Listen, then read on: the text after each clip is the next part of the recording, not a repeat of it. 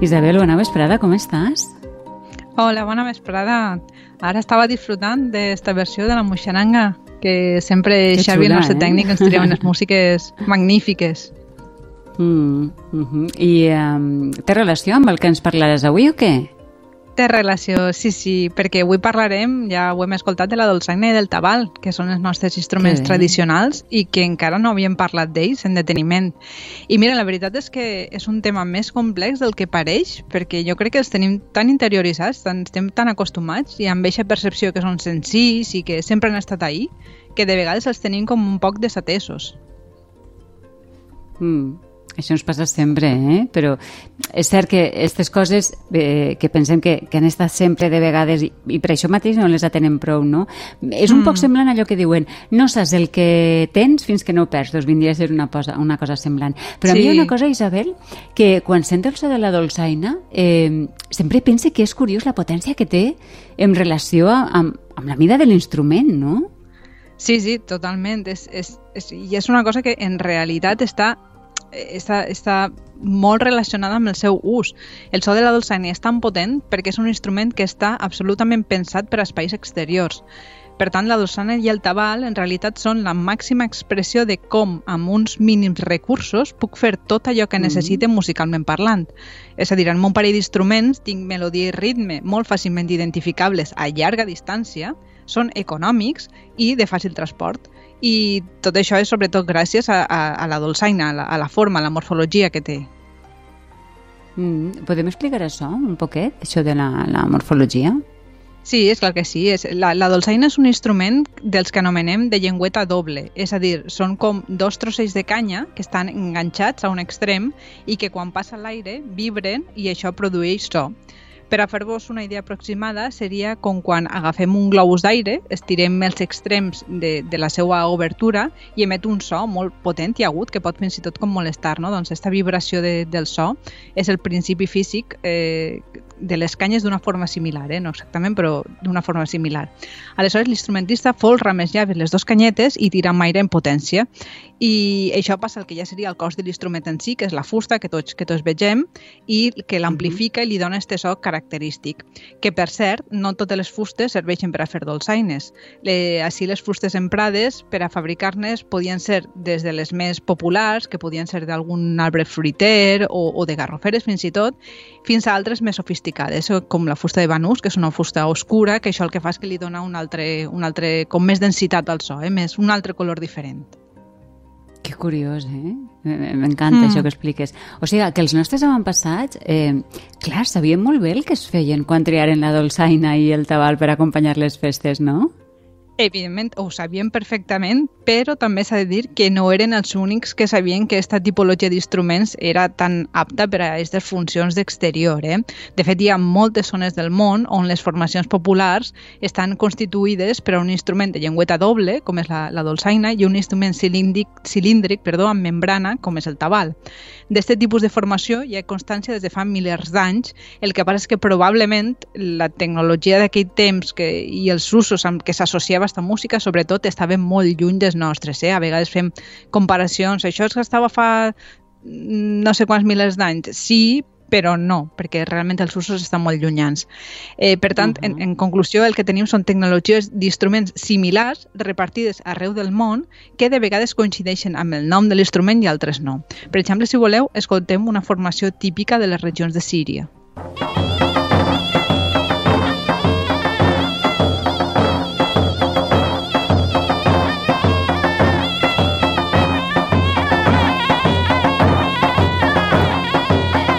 Clar, Isabel, bé, la música és diferent, no? Però sí que la combinació s'assembla a, a la dolçaina i el tabal. Sí, com, com deia, és, és una combinació que està molt estesa i, de fet, com, com deia, de vegades per referir-nos a, a pràcticament el mateix instrument ho fem amb noms diferents. Per exemple, el que nosaltres li diguem dolçaina, eh, en el sud mm. de Catalunya, una cosa molt similar, li diuen gaita. I, i ja et dic, és molt similar. Per això és molt difícil fer com una història, diguem, lineal d'estos instruments, d'una evolució del passat fins ara, perquè n'hi ha molts de similars, de vegades amb el mateix nom i de vegades amb noms diferents. Aleshores, el que s'ha fet a vegades per, per evitar entrar en disquisicions és anomenar-los oboes populars, com una manera d'englobar-los a tots dins d'una mateixa categoria i evitar estes, eh, anar desgranant coses que són molt similars. Mm. Mm. I escolta'm, eh, ja que parles de noms, eh, no ho sé, desconec si Dolçaina té alguna relació amb Dols? Doncs mira, entrar en eixa, en eixa qüestió és obrir un meló, que seria molt, molt llarg, perquè també hi ha Ui. moltíssimes teories. Sí, sí. Ah, sí? Però Sí, mm, en, en, pel que he llegit jo, sembla ser que no, que no, no tindria relació, no però bé, no, no, ah. no està comprovat, eh? no, no hi ha una teoria yeah. que, que, que estiga demostrada. Així que, mm. en principi, no tindré res a veure. Doncs ara tanquem el meló, meló tancat. Sí, Veus? Tanquem, no, és curiós, eh? perquè en, en tot cas, eh, per fer-nos una idea, des de quan podem parlar de la presència al País Valencià de dolçaines i tabals? És un altre meló. Tampoc ui, ho sabem exactament. Ui, faig cobrir melons, ui. Sí, sí. Hi ha moltes hipòtesis i no en sabem cap de certa. El, el, L'única cosa que sabem és que aquest tipus d'instrumentació, eh, per, sobretot per a l'aire lliure, ha anat com adaptant-se i mutant a cada context històric, amb noms diferents, noms similars, i un poc a les músiques que hi havia en aquell moment. Seria un poc el Clar. resum, eh? Mm. Molt resumit, ja ho entenc ja. Eh, en això suposa que eh, està el secret no? de, per viure tants segles. Escolta'm, sí. una curiositat, eh, perquè jo he vist tocar dolçainers, eh, em fa la sensació que han de tindre molta força eh, a la gola, a la boca, no sé com funciona exactament. Eh, és, és difícil tocar la dolçaina? I el tabal, també? Um, és, eh, suposa que cada instrument té la seva dificultat. Jo crec que, segons com em mires, és igual de fàcil o difícil de tocar. S'ha de fer moltíssima pressió, eh? no només amb els llavis no? o la part, sinó que amb, amb, amb el diafragma, que és un múscul que tenim a, a la mm. panxa. Mm. Però la dolçaina i també el tabal, eh, que ara veurem que és més difícil del que pareix, amaguen això, eh? una dificultat més gran, i és que estan construïts per a interpretar música popular valenciana, i la música popular valenciana eh, avui en dia té algunes característiques peculiars eh, per a nosaltres que la nostra oïda està educada ja en uns paràmetres un poc diferents. Ara posaré un exemple d'això que sona un poc complicat i ho entendreu. Uh, això que sentirem ara són unes salves de l'horta en una gravació històrica, eh, que ja veureu que s'escolta un poc malament, però s'entendrà fàcilment.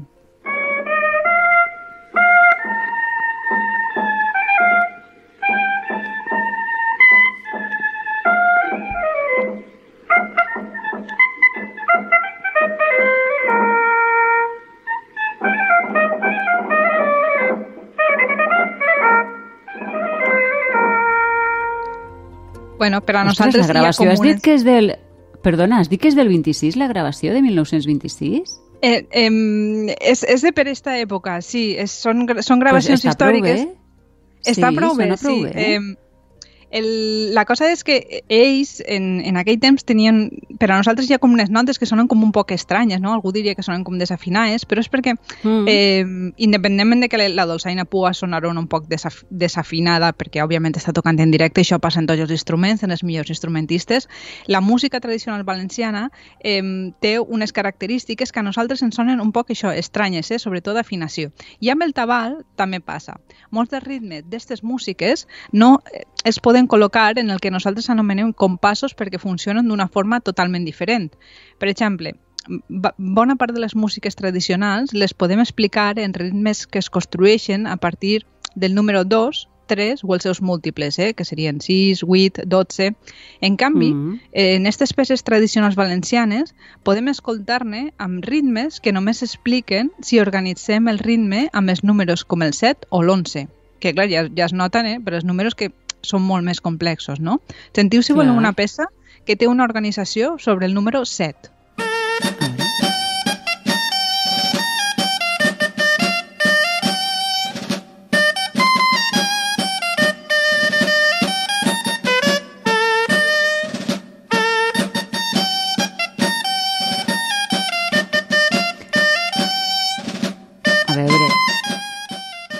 Et diré que, que, que he sentit mil vegades esta peça i, clar, jo mai m'havia parat a pensar aquestes coses. Sí, clar, perquè nosaltres la tenim molt interioritzada i l'escoltem i ja està, però en realitat si t'has de posar tu a tocar el tabal i si l'analitzes, l'única manera d'explicar-la és, és així, no? sobre el número 7, amb divisions eh? de, de 4, 2 i 2, 3, però en total 7. Isabel, havíem escoltat, la, havíem sentit la, la música amb una organització sobre 7, eh, jo et deia que, que mai m'havia parat a pensar aquestes coses i tu m'estaves explicant, no? Ens havíem quedat ahir. Sí, t'estava explicant que hi, hi ha també on són la dolçaina i el tabal, que eh, la dolçaina va fent un ritme organitzat d'una forma i el tabal va fent un ritme organitzat d'una altra al mateix temps. I això ocorre en les tonades que acompanyen algunes de les músiques en la festivitat del Corpus eh, en, en València, com la que escoltarem ara.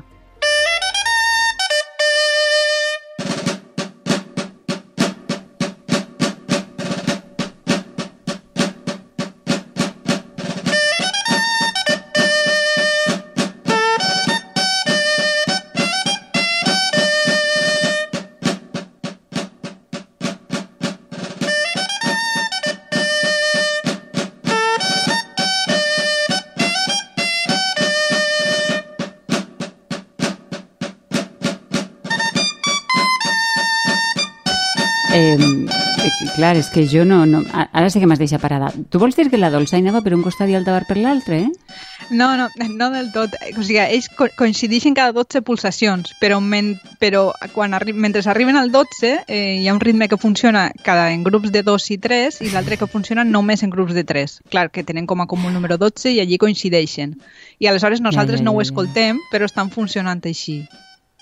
Mm, Clar, si no pares atenció, vull dir, i has de saber una miqueta, vull dir, per això te tinc No, no, de, de vegades jo també si no, no aconseguís distingir-ho, per això que, que nosaltres... Imagina't. Sentim...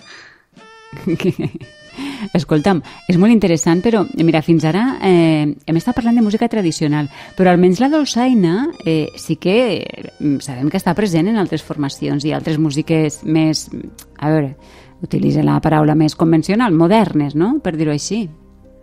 Sí, la, el que va passar és que la dolçaina, com la música tradicional en general, va viure com una forta decadència, eh, per dir-ho així, durant tota la primera meitat del segle XX, eh, a la mesura que anàvem pujant els mitjans d'enregistrament, fins que la situació va resultar molt, molt preocupant cap a la dècada de 1970. Però a partir d'aquest moment, al mateix temps que recuperava la música tradicional i el seu valor, no eren conscients un poc d'este valor, la dolçaina comença no només a reviscolar en els àmbits on habitualment ja estava, sinó a colar-se en músiques de nova composició televisió. I com és molt difícil saber qui varen ser els primers o els últims, anem a fer ara en el que queda no, de secció un xicotet recull de peces emblemàtiques i a mi la primera que m'ha vingut al cap, a més de la moixaranga, que ja l'hem escoltada, és una que és de l'any 1979 i és este Cant dels Maulers del Tain, on la dolçaina té un paper principalíssim. I tant. Mm, mm, mm, mm, mm.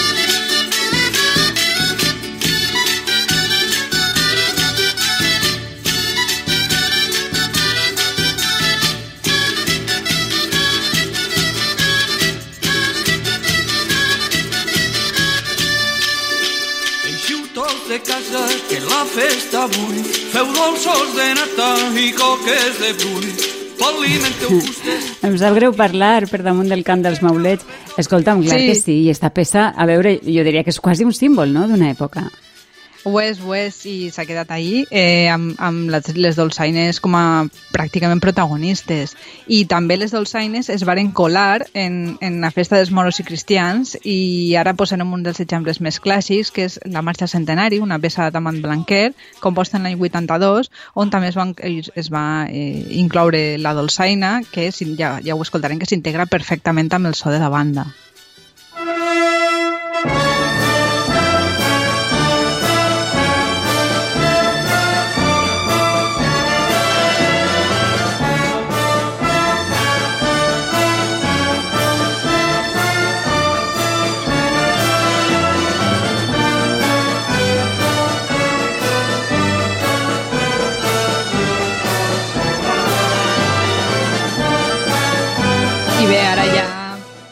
Instrument que s'ha mm. integrat moltes vegades I per Sí. continuar un poc en este recorregut, eh, a mi m'a- m'agradaria citar també un disc que a mi m'a- m'agrada moltíssim. El disc va ser com un experiment que intentava integrar el so de les dolçaines amb gèneres més jazzístics, elements electrònics, així com New Wave. Ah, És un disc que es titula Viatge, del grup Trullars, que és de l'any 1991. I, com deia, és un, és un clàssic que inclou això, ele- elements jazzístics que, que s'han desenvolupat posteriorment amb altres grups. I sentim, si voleu, un trosset.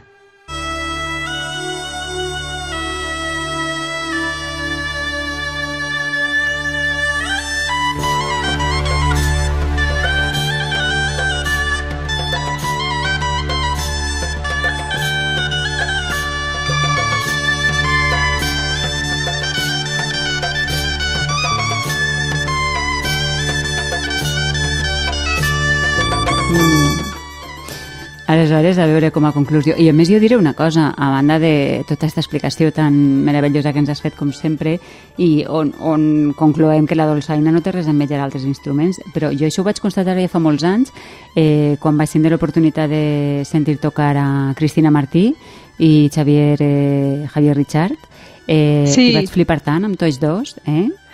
Sí, sí, de I- fet, eh, Xa- Xa- eh, Cristina no ho sé, però Xavier és el que està, crec que és el dolçaina que està tocant en Trullars ara mateix, que l'estem escoltant. Ah, sí, sí, sí.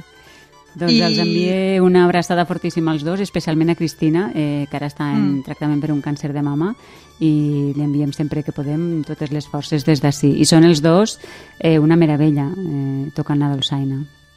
Sí, sí, també enviem una, una abraçada molt forta i que, que amb ganes de tornar a escoltar-los tocar. Mm.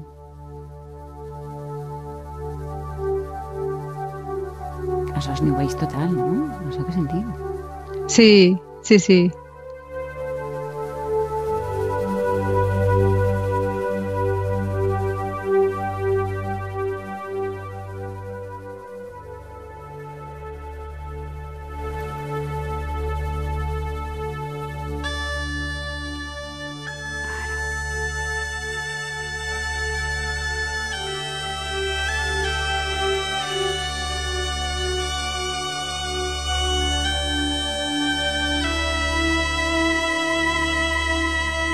Doncs certament, Isabel, la dolçaina, eh, com comentem, no té res a envejar altres instruments, eh? No, diria que fins i tot al contrari, perquè és un instrument que sense apenes millores tècniques, perquè els instruments de conforme eren abans a avui en dia han introduït moltes millores tècniques, claus, coses que faciliten un poc la vida a l'instrumentista. La dolçaina no, la dolçaina es manté eh, sense massa innovacions, però ha aconseguit estar a l'altura interpretant un grapat de músiques que si els dolçainers antics alçaven el cap segur que estarien pagadíssims. I a poc a poc també va colant-se en àmbits reservats allò que anomenem música culta i des de fa pocs anys que podem estudiar-la al conservatori, si algú s'anima, i Sí. fins i tot hi ha moltes composicions ja pensades per a que la dolçaina no siga un instrument de carrer, sinó un instrument també que fa concerts dalt, dalt de l'escenari. Um, I en este cas, si voleu, podem escoltar una obra curiosa que és una balada per a dolçaina, tabal i orquestra de Joaquín Jericó.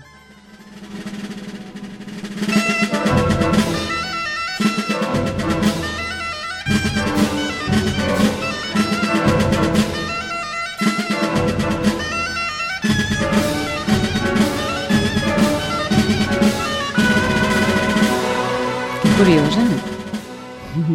Escolta'm, uh, avui podem dir que la dolçana i el tabalet eh, gaudís de bona salut, no? Ho diries o què? Sí. Sí, sí, després de- d'això de, de l'empenta de grups com Obrim Pas i la presència com que ja s'ha generalitzat i, i encara conserva tota la seva força expressiva i simbòlica, s'han multiplicat molt les colles de dolçainers i de, de, de, de, i, i ta, de dolçainers i tabaleteres ja, perquè gràcies també a la incorporació de les, de les dones i ja fins i tot es fabriquen dolçaines amb altres materials i amb sistemes per a facilitar-ne l'aprenentatge, no? o sigui que realment és, és un instrument que, és, que està plenament vigent avui dia i amb, amb, amb molt bona salut. Que bé. Doncs moltes gràcies, Isabel. Eh, una secció com totes, però està molt nostra, no?, també. I mira, saps què farem? Doncs eh, Digues. jo t'acomiade fins la setmana que ve. No, que acabem amb la moixaranga. Com, com vols que acabem el programa? Vale, Sí, perfecte. la moixaranga. Sí o què? Fins la setmana que ve. Gràcies, Isabel. Fins la setmana que ve. Adéu.